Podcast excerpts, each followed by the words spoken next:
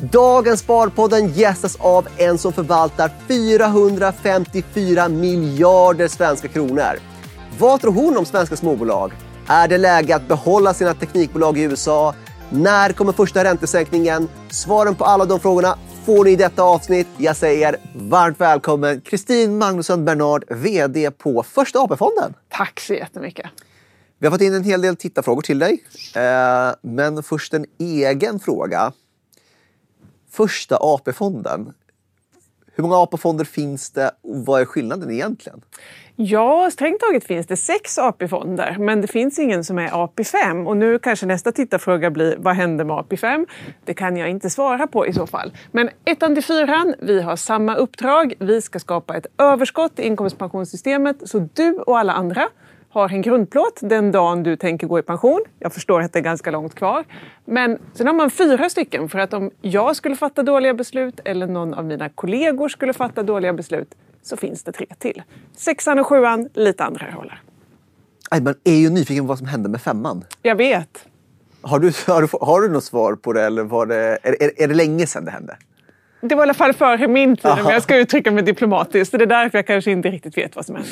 Ja, Okej, okay. men har ni, när du började på första AP-fonden, var det så att de sa typ så här måste du investera, så du har ganska stränga mallar, eller har du haft en frihet att få förvalta det här lite som du vill ungefär? Nej, men det här är det fantastiska med mitt jobb. Det är ett jättestort förtroende vi har fått att faktiskt utforma förvaltningen så som vi tycker är bra.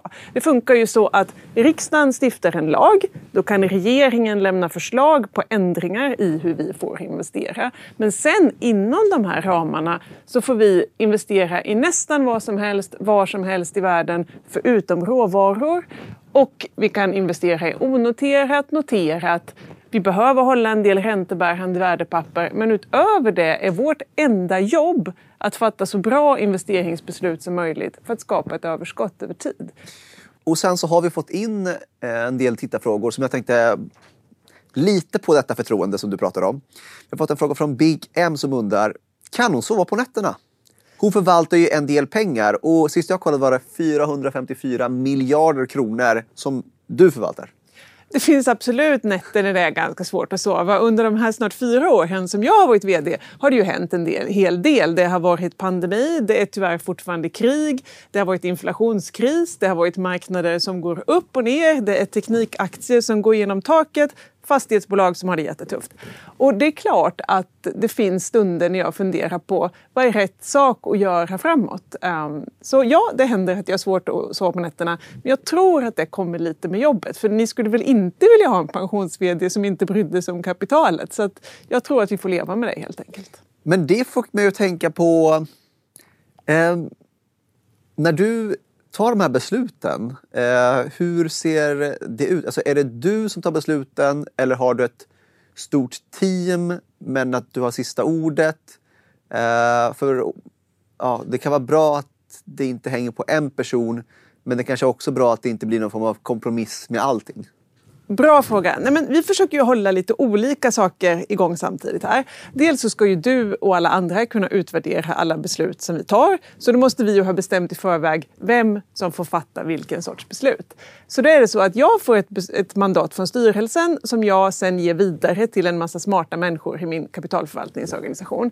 Men det är fortfarande så att rätt många beslut ligger hos mig. Allting som är över en miljard ligger hos mig saker som handlar om förändring av investeringsriktningen. Ska vi ha mer av det ena eller det andra som kan förändra portföljen ordentligt? Det är jag också. Och vi har, um, du sa att du inte har råvaror i din portfölj, men du har aktier, eh, både noterade och onoterade. Du har ränteprodukter, du har fastigheter. Ehm, Kryptovalutor? Får du ha något sånt? Vi har inga kryptovalutor. Vi skulle nog betrakta dem som en råvaruliknande tillgång. Så att, nej, inga kryptovalutor hos oss. Och vilken dominerar? Aktier dominerar ju. Vårt jobb är ju att skapa avkastning på ert kapital. Så att i normalfallet är vi väldigt aktietunga.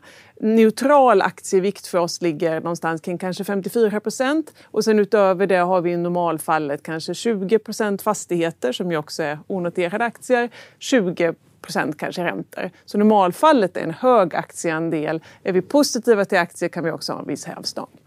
och bara så jag, man får en bild, för det är så mycket pengar. Är det så att du kan kolla på en aktie och tycka att den är intressant och stoppa in den i portföljen?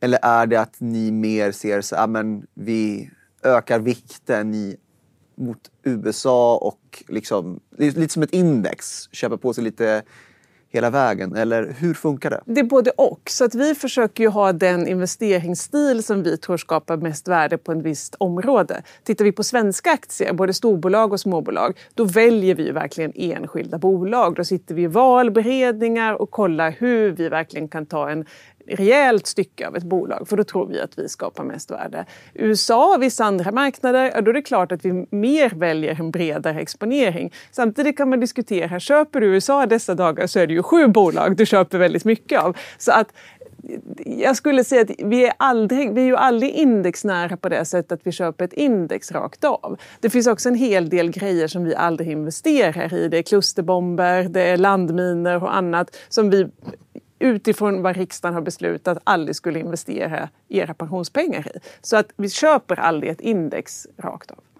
Men eh, då innebär det att eh, egentligen så riksdagen bestämmer vad ni får investera i och inte investera i? Riksdagen bestämmer ramarna. Ja, så att eftersom vi, vi förvaltar ju ditt och alla precis. andras pensionskapital så att vi gör ju ingenting som staten Sverige aldrig skulle göra. Har staten Sverige bestämt att vi tycker inte landminer är okej, nej men då investerar vi inte pensionskapitalet i landminer heller. Samtidigt ska tillbaka till att det är ett jättestort förtroende. Vi har fått ganska breda ramar att jobba inom. Och motkravet på det är att vi i sådana här sammanhang ett år till, varje år till riksdagen berättar om vad vi har gjort så ni alla kan utvärdera om vi faktiskt har skött det vi ska. Om vi kollar på vad ni investerar i, säg att det är ett litet bolag du hittar i Sverige som är intressant. Behöver det vara eh, en viss size du behöver gå in i? Eller alltså jag kan ju tänka mig att det är bolaget värderat till 300 miljoner kronor så blir det ju svårt och köpa in sig en tillräckligt stor andel för att, ja, utan att påverka det för mycket. Ja, det, det, är en väldigt relevant poäng. Och man kan ju också säga att vi är ungefär 70 personer och då pratar jag hela organisationen. Vi är knappt 30 i kapitalförvaltningsorganisationen. Vi förvaltar 450 miljarder. Så det är väldigt mycket kapital per anställd. Och då måste vi ju också fundera på, säg att vi går in väldigt hårt i venture, den typen av riktigt tidigt onoterat småbolag har vi bemanningen för att sköta det på ett bra sätt när det blir väldigt mycket bolag? Sannolikt inte. Vi behöver komma lite, större, lite högre upp i storleksskalan för att kunna göra ett bra jobb. Däremot så är det ju rätt mycket så i våra småbolag som ju ändå, om man tänker det noterade småbolag, där jobbar vi ju rätt mycket med att hjälpa till med ägarstyrning, hjälpa till med all governance så det här kan bli nästa generation storbolag. Där kan vi vara med. Kan det hända att du hittar ett intressant eh litet bolag och sen så hittar en annan AP-fond samma. Kan ni båda ha samma? För ni ska ju ha lite olika så att ni inte alla lägger samma korg. Eller Eh, vad gör ni då om ni hamnar i ett sånt läge? Vi äger rätt mycket bolag tillsammans så det händer ju såklart att vi tycker att samma bolag är spännande. Men jag trodde faktiskt du skulle ställa en annan fråga. Jag trodde ja. du skulle säga, händer det att du hittar ett jätteintressant bolag som du försöker sälja på något, någon av dina medarbetare? Ja, det skulle ju teoretiskt sett kunna hända och då måste jag ju sitta på händerna. För hela poängen är att har jag gett dig ett mandat, du ska bestämma vilka småbolag vi ska ha, ska inte jag komma in och pilla och säga här har jag hittat ett jätteintressant snabbväxande plåtbolag som jag tycker vi ska köpa. Så att som chef måste man också hålla sig liksom på ett lite lagom avstånd så man inte påverkar besluten så, så mycket. Tanken är att man har olika personer som förvaltar olika portföljer för att man vill att de ska inte ha för mycket samarbete så att de blir för lika. Så att man tvingar dem att ha lite olika strategier för att då få en diversifiering av strategier. Exakt, så du diversifierar ja. över AP-fonder och vi diversifierar inom vår portfölj. Eh, vi har en fråga från Donny som undrar hur fick hon jobbet? Ja, det är ju en utmärkt fråga och vi får ju tacka styrelsen som vågade satsa på mig. Men det gick till så här. Jag hade faktiskt aporna, som de då kallas på finansmarknaden, alla AP-fonderna. Jag hade aporna som kunder i mitt förra jobb. Och i det så kom jag ju förstås ganska nära verksamheten, tyckte att det här verkade väldigt, väldigt spännande. Så att när då ett av vd-jobben blev lediga så sökte jag det helt enkelt. Och sen så hade vi en massa intervjuer när de trycktestade mig på längden och tvären och till slut så fick jag jobbet. Så enkelt? Ja, det kändes så. inte så enkelt just då, men, men ja. ja. Um, vilka tillgångar ser... Och nu tänkte jag att vi går in på lite marknaden. Absolut. Ja. Vilka tillgångar ser hon undervärderande och mest intressant just nu? Eh, det kommer från Blå. Ja, men det här tycker jag är en jätteintressant fråga som Blå ställer. För att generellt vill man köpa saker som är undervärderat eller vill man köpa saker som man tycker är vettigt värderat och kan bli mycket, mycket bättre? Det, det kan ju finnas en lockelse i att man gör ett fynd, att man köper något som är undervärderat. Men det är inte alltid det som sen ger bäst utveckling på sikt. Så att jag känner nog nästan mer... Det var inte så länge sedan Charlie Munger gick bort, så jag tycker att ja. man kan få citera Charlie i de här sammanhangen. Jag tycker nog nästan att man vill köpa saker som är rätt värderat och man tror kan utvecklas ännu bättre på sikt. För att min erfarenhet är inte alltid att det är just just fyndköpen som, som ger mest, eh, mest utveckling på sikt. Men, men däremot är det klart så att man behöver fundera på... Vi har ju en del fördelar som inte alla investerare har. Vi kan köpa när andra behöver sälja. Är det så att det uppstår marknadslägen där vi kan agera och andra är lite mer pressade så är det klart att det kan vara en fördel för oss. Men generellt vill vi ha bra saker som kan bli bättre. Men då kan man summera att du är försiktig med att gå in i value traps. Ja, det, det var ett väldigt bra sätt att summera det. Ja. Uh, och händer det att... För du, du sa att så här, ni behöver ju inte sälja, utan ni kan ju också kanske gå in när andra behöver sälja. Uh, var det det som hände förra året? Och förra året innan dess? Faktiskt mindre än vad jag hade trott. Men om vi börjar med value traps, en sån fråga nu är ju tillväxtmarknader. Det, där ser vi ju en hel del tillväxtmarknader där man skulle kunna tro att värderingsmässigt vore det jättespännande att gå in. Vi är fortsatt underviktade tillväxtmarknader för att det kan vara en value trap. Det är en sak vi funderar mycket på. Men, men om vi går tillbaka då till marknaden de senaste två åren. Vi hade nog trott att det skulle uppstå att, att det skulle finnas fler pressade säljare än vad det faktiskt fanns, på fastighetssidan till exempel. Vi såg inte lika mycket av det och därför var vi också ganska försiktiga för de möjligheterna uppstod inte riktigt på det sättet. Nu däremot börjar det röra på sig. Ja, men jag direkt kommer att tänka på SBB. De vill ju jättegärna sälja. ja, eh, det finns nog många som gärna vill sälja och som köpare får man ju alltid fundera på, om vi då pratar fastigheter till exempel. Är det här saker vi skulle kunna jobba in i våra befintliga bolag, kompletterade våra portföljer? Är det här fastigheter som tillför något i det vi har? uh, och när jag, du säger fastigheter, kollar ni fastigheter globalt också eller är det liksom en är det globalt fast med en övervikt i Sverige? Fastigheter väljer vi att framförallt äga direkt i Sverige. Så våra absolut två största innehav är dels ett kontorsfastighetsbolag, Vasakronan, som vi äger med AP2, 3 och 4, apropå att vi gör saker tillsammans. Och sen ett bostadsbolag som heter Wilhelm, Wilhelm. Okej, okay. de, de, de har sitt säte i Göteborg, ja. man kan nästan tänka sig det. Fantastiskt fint bostadsbolag som då har hyreslägenheter över hela Sverige. Så det, våra största innehav är faktiskt direktägda fastighetsbolag. Uh, så finns det några fastighetsbolag som är pressade här i Sverige så kan man höra av sig till dig. Om man har väldigt bra fastigheter som man vill sälja till ett schysst pris. Om man har, ja, och du har ett team som kommer ta reda på att det inte är några dåliga fastigheter? Absolut. Hopp, hopp, hopp. Stanna, stanna, stanna. Det här vill du höra. För Nordnet har precis lanserat Nordnets småbolag Sverige-index. Ett småbolagsindex till 0,35% avgift. Det är ingen prestationsbaserad avgift på det här eller något annat utan det är 0,35% som gäller. Och vad får man då i den här småbolagsfonden? Ja, men det är svenska småbolag, det är 80 bolag som följer ett index som är helt nytt som vi tagit fram tillsammans med Nasdaq. Så därför har du en unik möjlighet i ett nytt småbolagsindex om du gillar småbolag och det vet jag att jättemånga av er gör. Vill du läsa mer eller investera i fonden då går du in på nordnet.se småbolag, alltså småbolag utan o och där finns det mer information att hämta. Kom bara ihåg att historisk avkastning är ingen garanti för framtida avkastning. Gör alltid er egen research innan ni investerar. Så jag skulle tipsa er att läsa på innan ni investerar. Och med de orden så säger vi tillbaka till podden. Och när vi ändå är inne på just fastighetsmarknaden så ja, du har ju rätt i att det har ju, alltså på aktiesidan, ja, men det är en härdsmälta för flera bolag. Eh, många bolag som har haft det extremt tufft fortfarande. Men vi har ju inte sett liksom rasande fastighetspriser utan det har blivit färre affärer istället. Um, hur ser du på fastighetsmarknaden just nu?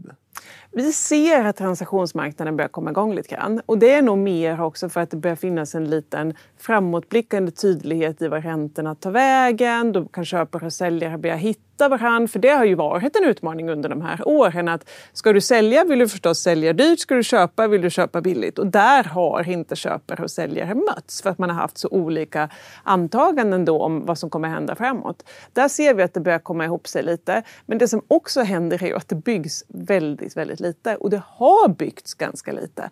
Det finns förstås delar av Sverige där det har byggts men det är inte säkert där, där efterfrågan är. Men i de bästa lägena där vi är ser vi ju fortsatt att det finns ett underskott mat. Och, och det håller ju uppe priserna mer än vad man kanske hade förväntat sig. För att folk behöver fortfarande kontor och folk behöver någonstans att bo. Och det ser vi jättetydligt. Så driftsöverskotten är fina i bolagen. Sen påverkas värderingen av räntan men det kommer ju också någonstans vända ner nu.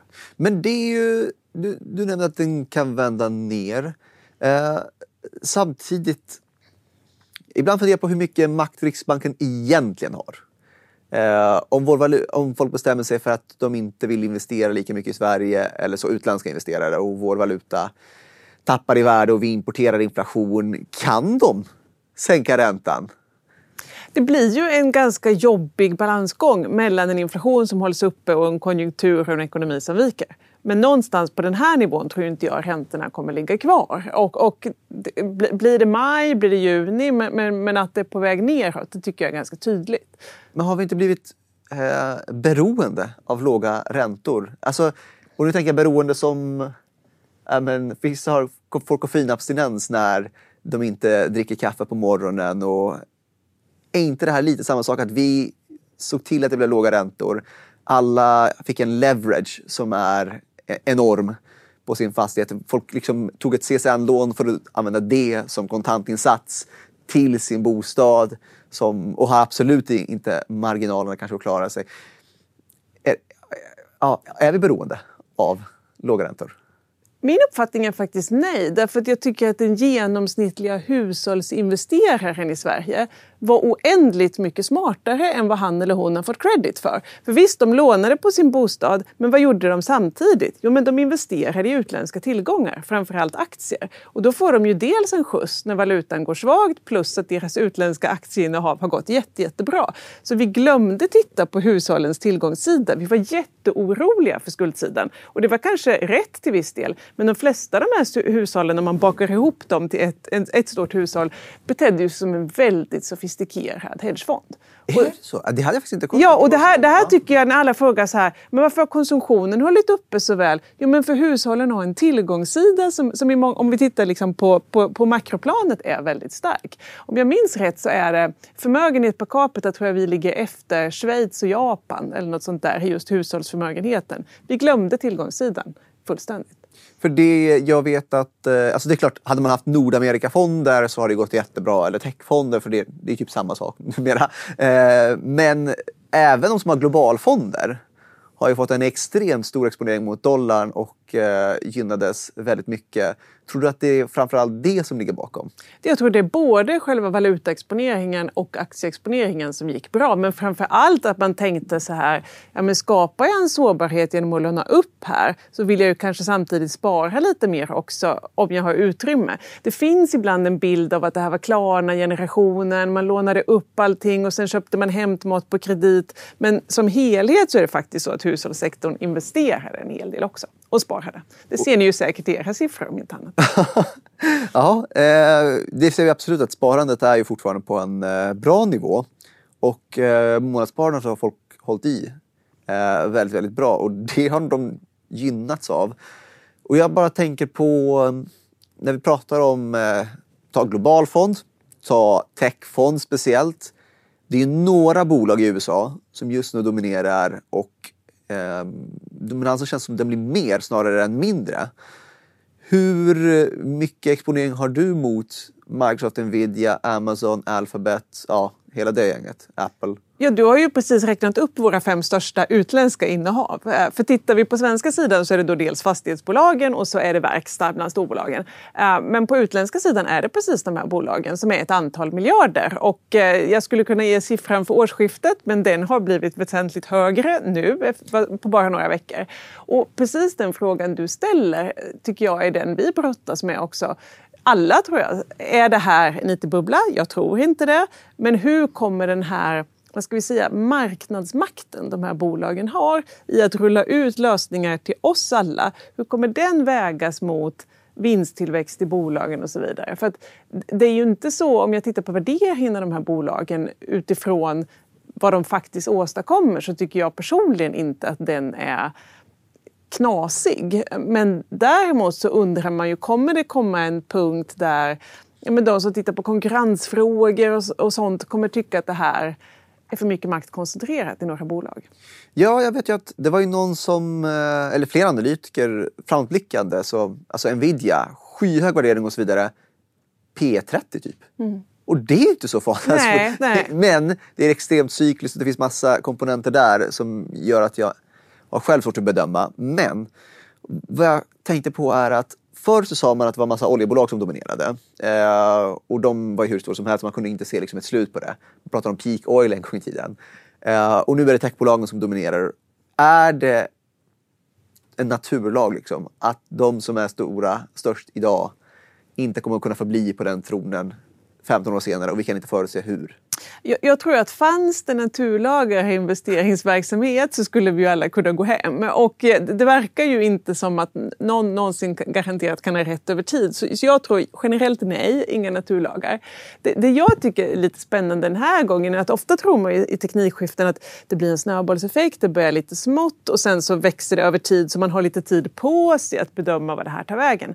Här verkar ju tillämpningarna gå mycket, mycket snabbare och rullas ut till mycket större delar av andra bolag, ekonomier och så vidare. Så då kanske man ser den stora skjutsen först och sen kommer de till någon slags platå där, där de behöver ta sig vidare till nästa nivå för att fortsätta ha en utveckling. Så det skulle kunna vara så att den stora, stora skjutsen ser vi de närmsta tre till fem åren, som planar ut lite grann. Men, men att bedöma just så här, hur påverkar det alla andra bolag, inte bara de här sju jättebolagen. Det är väl det vi lägger rätt mycket tid på ska jag säga. Och kom ni fram till någonting? Ja, och så funderar vi en vända till och så kommer vi tillbaka dagen efter och funderar på om vi har fel. Men hela tiden måste vi ju agera och just nu, men just nu är vi inte jättehögt exponerade men ändå rejält exponerade mot den här sektorn. Och i och med att de börjar svälla upp i globalfonder också. Alltså så här, Nordamerika, USA dominerar i globalfonder. Men till och med de enskilda bolagen har börjat liksom bli allt, allt större i de här globalfonderna.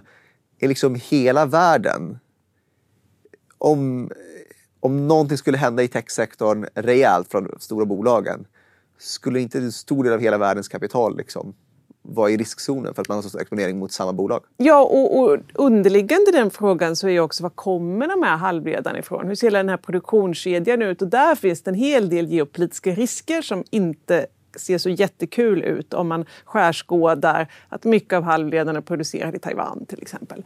Ganska svår situation. Och tillbaka till det du pratade om tidigare. Om, det är också lite mer fundamentalt. Om du tror att du har köpt ett index och egentligen har du köpt en superkoncentrerad aktieportfölj. Vad gör det med mitt ansvar som har förvaltat ditt kapital eller, eller ditt ansvar som har sålt in något som en indexfond på, på, på Nordnet? D där tror jag ju att vi alla kommer behöva fundera på hur vi pratar om riskerna i det här. Och samtidigt är det här sju bolag som kommer fortsätta utvecklas på det här sättet. Om du tittar på hur man kan konstruera index, likaviktade index och så, så har ju de gått betydligt sämre just för att man inte har varit med på den här resan. Så där är väl 450 miljarders kronors frågan. ja, men det har du helt rätt i. För börjar man likavikta den och så vidare, då kommer man ju till slut få skit för att ja, den presterar ju mycket sämre. Ja. Eh, än om man inte har gjort det samtidigt som man drar ner risken.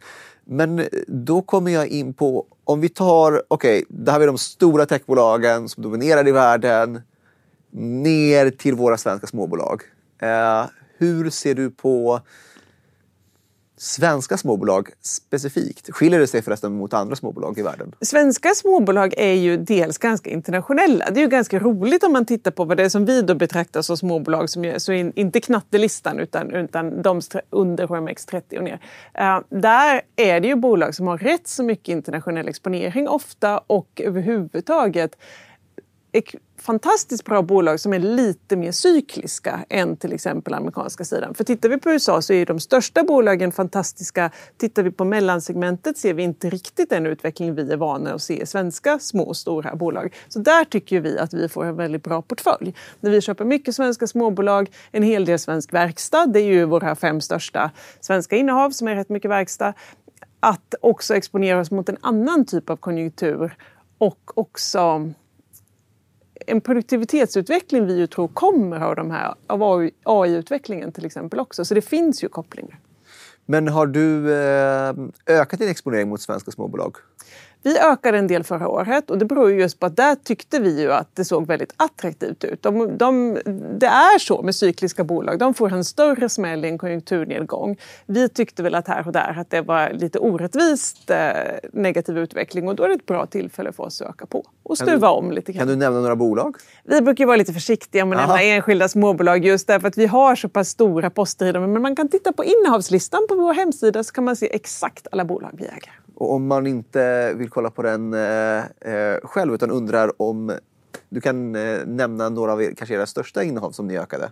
Vårt allra största innehav är Atlas Copco av den noterade sidan då, så det är ju på storbolagssidan. Ja. Investor är nummer två om jag minns rätt. Sen kommer Assa på trean om jag minns rätt och nu ska vi se om jag kommer ihåg hela topp fem här. Sen har vi Hexagon och nu måste jag titta här i årsredovisningen. Sida, jag kommer i alla fall ihåg att det är sidan 51.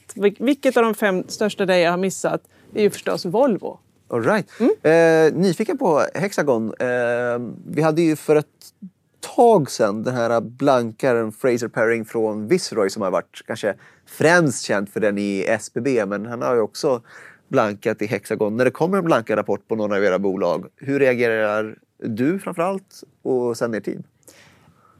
Vi, vilken analys det än är så försöker man ju förhålla sig någorlunda nyktert till det hela. Och eh, antingen det kommer från en blankare eller någon av bankerna så måste ju vi ha en egen vy. Vi tar ju in rätt mycket åsikter men eftersom vi är långsiktiga och äger så pass stora andelar i bolagen så behöver vi ju själva se om vi tycker det här finns något i vad som sägs eller inte oavsett vem det kommer från. Men om det kommer en blankarapport och du tycker oj, ja men det här har vi helt fått om bakfoten. Eh, kan du göra en exit liksom, kan du ta sådana beslut att nu gör vi en exit? Det beror jätte på vilket bolag det är. Om du tillbaka till småbolagen till exempel. Ja. Vill vi göra förändringar i småbolagsportföljen får ju vi sitta och jobba det över ganska lång tid. Både i Sverige men också på hela euroområdet, småbolagen där. Det är inte så mycket man kan göra på en dag utifrån våra synvinklar. Uh, Storbolagen, visst man, man, man, kan, man kan göra stora förändringar ganska snabbt. Men dels, oavsett vilket det är så vill du ju inte sälja när det har gått ner. Och framförallt så vill du ju ofta också vara en bra ägare till bolagen. Så ser du att det här är inte någonting som du lägger någon vikt vid, vad som eh, sägs, så är det ju inte det du ska agera på. Men har det hänt att du tyckte att oj, nej men det här är inget bra bolag längre, jag vill inte ha det. Kan du liksom i rask takt göra dig av med det. Och jag tänkte så här, så att, eller är du en sån som liksom vill ge en till chans eller två? Eller hur rappa beslut blir det? Jag tror det beror jättemycket på vilken fråga det handlar om. Men, men säg att det vore ett bolag som skulle göra saker som vi inte kunde stå för mot er allihopa vars kapital vi investerar. Nej, men då, då kommer vi sälja. Och det har ju hänt. Att, att det finns, nu har jag inte just något svenskt exempel på det här, men det kan vara bolag där vi upplever att de till exempel så fullständigt bryter mot lagen, mot mänskliga rättigheter eller gör någonting som vi absolut inte kan stå för gentemot er. Då är det klart att vi kontaktar bolaget först men får vi ingen respons så kommer vi efter ett tag säga att tyvärr, det här kan vi inte äga. Och det har hänt? Det har hänt. Ja. Mm. Uh, men jag tar en till fråga från någon som heter Skånepojk. Um, hur är hennes psyke för nedgångar? Drabbas hon av prestationsångest? Och nu tänker jag nedgångar kanske uh, i er egen portfölj. Liksom. Ja, det är väl ingen som tycker det är kul. Då skulle man väl inte ha det här jobbet. Men igen måste jag säga att jag, jag, är otroligt imponerad av svenska folket och hur de faktiskt förstår marknaden. För 2022 var inte ett kul börsår. Och är man så tungt exponerad mot börsen som vi är så kommer man gå ner i ett sånt läge. Och det jag tyckte var viktigt var ju att förklara Nej, men vi kommer inte kunna skydda ert kapital här. Det kommer gå ner. Och jag hade nog faktiskt förväntat mig att folk skulle bli argare. Och istället fick jag frågor tillbaka så här, men vad då Kristin? Det gick ju mycket bättre än index. Och, och, där någonstans blir jag otroligt imponerad av svenskarnas förståelse av hur, hur, man förvaltar på sikt för att skapa värde. Men absolut, det är klart att man helst bara vill ha uppgång. Ja, men det vill väl eh, alla. Men jag kan ju tänka mig att eh, när, okay, så när det är nedgång, i och med att ni har kanske en del onoterat som man kanske inte värderar ner lika snabbt. Eh, samtidigt som ni har lite räntor och annat som blir som en krockkudde. Det blir som en eh, krockkudde. Men vänd på det. När det är så att börsen tokrusar, hänger ni med då? Inte, för, alltså, inte fullt ut kan man ju säga. För det, och det går ju tillbaka till det här hur vi konstruerar portföljen. Vi ska ju ha fokusavkastning, det är en offensiv portfölj. Men, men, vi får ju inte vara så att vi tar risker som gör att vi riskerar att köra över stupet. Så att säga. Om jag bara tar ett exempel från förra året i den här otroliga uppgången där de sista månaderna. Så det är klart att man funderar på hur mycket hävstång vågar man lägga på? Hur tajt vågar man likviditetsmässigt köra portföljen för att vara med på den här uppgången så mycket som möjligt utan att ta riskerna och köra i diket? Och det är lite den typen av beslut jag sitter med hela tiden för att när det sen gick så bra så är det ju lätt bara att komma ihåg hur bra det gick. Men det var ju en stund där i oktober när det såg ut som att det faktiskt skulle kunna bli ned... året skulle sluta på minus. Men satt du med hävstång eh, under uppgången? Ja. Ja, men det gick ju bra. Ja. ja. ja men det var ett bra beslut. Eh, hur ser du generellt på hävstång? Eh, har du hävstång? Det har du säkert någonstans här och där. Men, eh, Jobbar ni mycket med hävstång? Alltså dels kan man ju säga att eftersom våra fastighetsbolag kan låna upp på marknaden så finns det ju en hävstång i bolagen och där är vi ju så pass försiktiga att vi ska ha jättebra ratings, fina kreditbetyg och så. Så där är det ju en, så att säga, en försiktig hävstång. I den noterade portföljen får vi ha hävstång mycket också för att kunna jobba runt exponeringar. För vi är så pass stora så skulle vi bara jobba i underliggande skulle det ta så lång tid innan vi kunde ändra positioner så att vi inte hinner vara med då i upp och nedgång. Sen är det inte en jättehög hävstång vi har därför att det begränsas ju av hur mycket statsobligationer vi har till exempel. Vi behöver ju ställa in eh, obligationer som säkerhet. Det är också det vi ställer in i vår valutabok. Så utöver de här 454 miljarderna så har vi en valutasäkringsbok på ungefär 200 miljarder till som ju inte är ett kapitalbindande mandat. Och där behöver vi också statsobligationer ställas in. Så där någonstans efter, när du har räknat bort allt det här, gör en bedömning av framförallt hur räntemarknaden kommer gå, så skulle jag väl kunna säga att man kan ha ungefär 10% i hävstång. Men nu tycker jag vi ska lära känna Kristin Magnusson Bernard på Uh, olika plan. Mm, spännande. Uh, jag utgår nu ifrån att ni, har en del jobbresor att uh, åka på. gillar du jobbresor? Ja, det får jag säga. Särskilt när det inte blir för mycket. Det, om man får vara så ärlig. Det, det, för att det jag tycker har blivit bra efter pandemin är ju att man faktiskt har mer kvalitetsjobbresor jämfört med tidigare. Så att man ser till att när man väl åker så finns det ett bra syfte. Jag tror ganska många människor slentrianres om man får uttrycka sig så, i jobbet lite mer innan. Nej, men jag tycker jobbresa är skönt, för ibland behöver man dels få sitta ner med folk som inte befinner sig i Stockholm och eh, också ibland kanske byta perspektiv lite grann. Binge undrar, vad tar hon i bänk? Det är en bra fråga. Um, nu är det ju faktiskt så att nu, det här har jag jobbat mycket på. Uh, bänk är inte min favoritövning. Jag är faktiskt mer team marklyft. Um, och då tar jag väl lite drygt min egen vikt. Största misstag du gjort uh, på jobbet?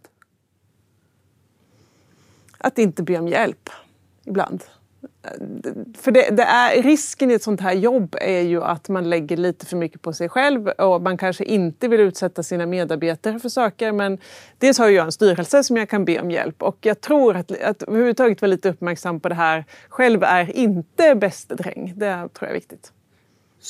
Eh, höjdpunkten, om du fick välja en, sen du började med AP1, vad var det? Oj, det är många.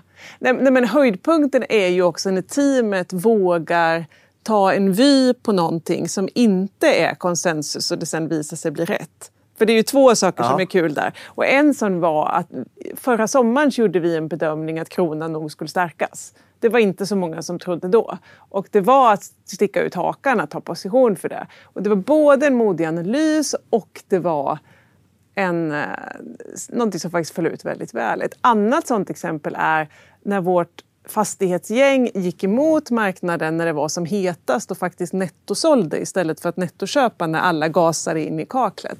Det var också en, en, en, mot, en antikonsensusvy som blev väldigt bra. Hur hanterar du en aktie som gått jättebra? Bättre än vad du förväntade dig?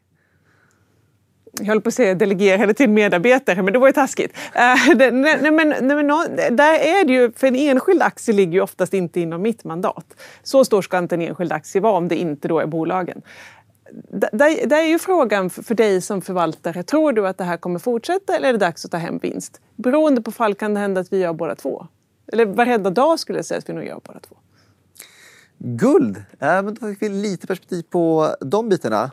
Äh, Sen vill jag också ta lite konjunktur. Mm. Eh, vi har varit inne lite grann på eh, tillväxtmarknader och i ärlighetens namn om USA dominerar globala börserna så har Kina en lite, ja inte som förut, men ganska stor fortfarande, eh, viktig tillväxtmarknadsindex. Hur ser du på Kina och deras påverkan på konjunkturen? Ja, man brukar ju säga så att mycket av den globala konjunkturen faktiskt bestäms av Kina därför att det är så mycket reala efterfrågan finns där. Och det ser vi ju på en del av våra stora svenska bolag också att om den kinesiska konjunkturen går svagt, ja men då är det svagare på orderingång och så också. Så att om börshumöret bestäms i USA så brukar ju global efterfrågan drivas en del av Kina. Nu har det ju varit en ganska modest utveckling i Kina och det ser vi att konjunkturen är ju inte tipptopp runt om i världen. Men, och för kinesiska myndigheter kommer det också vara att väga mellan hur mycket vill man kunna kontrollera saker och hur mycket vill man faktiskt se en utveckling där också alla medborgarna fortsätter få den inkomstutveckling som någonstans har byggt hela det här caset. Jag, jag, vet faktiskt inte. Jag tycker det är en genuint svår fråga att svara på och just därför är det genuint svårt att svara på så väljer vi sannolikt att exponera oss på något annat sätt. Du har ju en Kina-exponering genom många stora globala bolag till exempel. Det är en lättare Kina-exponering för oss att förstå än att ta en direkt exponering mot ett kinesiskt bolag till exempel. Men du är till exempel inte eh, Alibaba och Tencent? Vi har ju Kina, men, ja. men, men, vi, har, vi skulle jämfört med, med vikten okay. i index så är vi underviktade. Men om jag tittar på andra tillväxtmarknader, alltså typ säg Indonesien mm. eh, som är en jättesnabbt växande ekonomi. Hur ser du liksom på eller generellt Sydostasien-regionen? Ja, men tittar man på Indien till exempel så går ju ekonomin som tåget. Vi ser inte samma utveckling i indiska börsen. Och, och, där får man ju som investerare fundera på, nej men om man ser en fantastisk tillväxtresa här, men jag ser den inte i tillgångspriserna. Hur ska jag då vara med på det här tåget om det går? Eller är det så att det sker på något annat sätt? För att vi är ju och särskilt Sverige måste jag säga, vi, vi, tror ju på börsen som ett sätt att få kapital. Och så funkar det ju inte på alla håll i världen och det kräver rätt mycket mognad innan börsen kan funka på det här sättet. Och då får man fundera på, ska man göra det onoterat? Ska man inte göra det alls. Uh, därför att igen, jämfört med andra möjligheter där vi har mycket lättare på att agera på hur det går med ert kapital så får man hela tiden välja. Men vi ser ju framförallt den indiska utvecklingen. Den, den är ju stark. Alltså det är en jättebra poäng för att eh, om man kollar på Tencent och Alibaba återigen till Kina-biten så har ju de utvecklats underliggande väldigt bra med bra försäljning och eh, bra lönsamhet och så vidare. Och aktiekurserna har tagit storstryk. Mm. Eh, men det beror också mycket på osäkerhet kring regleringar och sånt ja. där. Har det varit lite grann att för tio år sedan hade du en mer positiv vy på Kina än vad du har idag? Vi har ju sett just de regleringsförändringar du pratar om och jag kan ju aldrig ta risk med ditt kapital som gör att du inte får tillbaka pengarna. Då, då är jag på fel ställe. Så att hela tiden, man, på engelska brukar man prata om fiduciary duty, förvaltaransvar. Det är ju det vi ska ha framför oss hela tiden. Så kan jag då få samma avkastning på något annat ställe utan att ta den risken så är det ju där jag kommer vara. Och tillbaka till, vi är ett litet team. Vi ska inte vara överallt, vi ska göra aktiva val. Och, och där behöver vi välja. Är det för svårt för oss att analysera, ja, men då avstår vi. Vi har avstått oljebolag också, till exempel. Därför att vi ser ju att omställningsrisken i de här bolagen, givet hur små innehav vi hade, det är inte värt det jämfört med analysera Nvidia, om jag ska vara lite, ja. sådär, lite mellan tummen och pekfingret. Och det är lite så vi får jobba hela tiden. Vilken, eh, om man kollar på Europa som region, eh, hur bedömer du att eh, vi ligger till här i Europa? För uppenbarligen så USA går ju som tåget. Kina, okej, okay, de har sina problem, men lite självförvållat också med sin självreglering och sånt där. Men Europa, vart ligger vi? Alltså det känns som vi inte riktigt hänger med tekniksprånget i USA utan att mer och mer kapital fastnar där. Ja, det, och, och någonting händer ju i att vi har ganska bra startup men sen när det ska bli en scale-up så flyttar de ganska ofta till Silicon Valley. Och där tror jag att vi får fundera på varför har vi inte det ekosystemet att vi kan skala upp. Sverige är ju delvis ett undantag. Både om vi kollar på hur mycket bolag som noteras och överhuvudtaget bolagen vi får fram så ser det ju väldigt bra ut.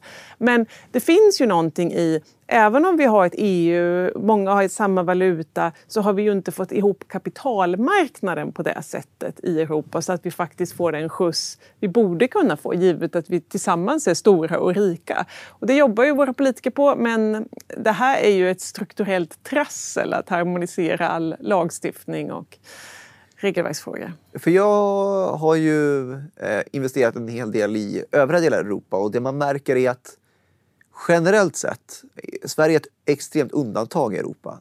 Folk i Frankrike, Spanien, Portugal, Tyskland till stor del ändå har inte samma aktieintresse bland folket. Och att listas i Frankrike, liksom, skulle Spotify listas i Europa, varför skulle de välja Frankrike före liksom USA?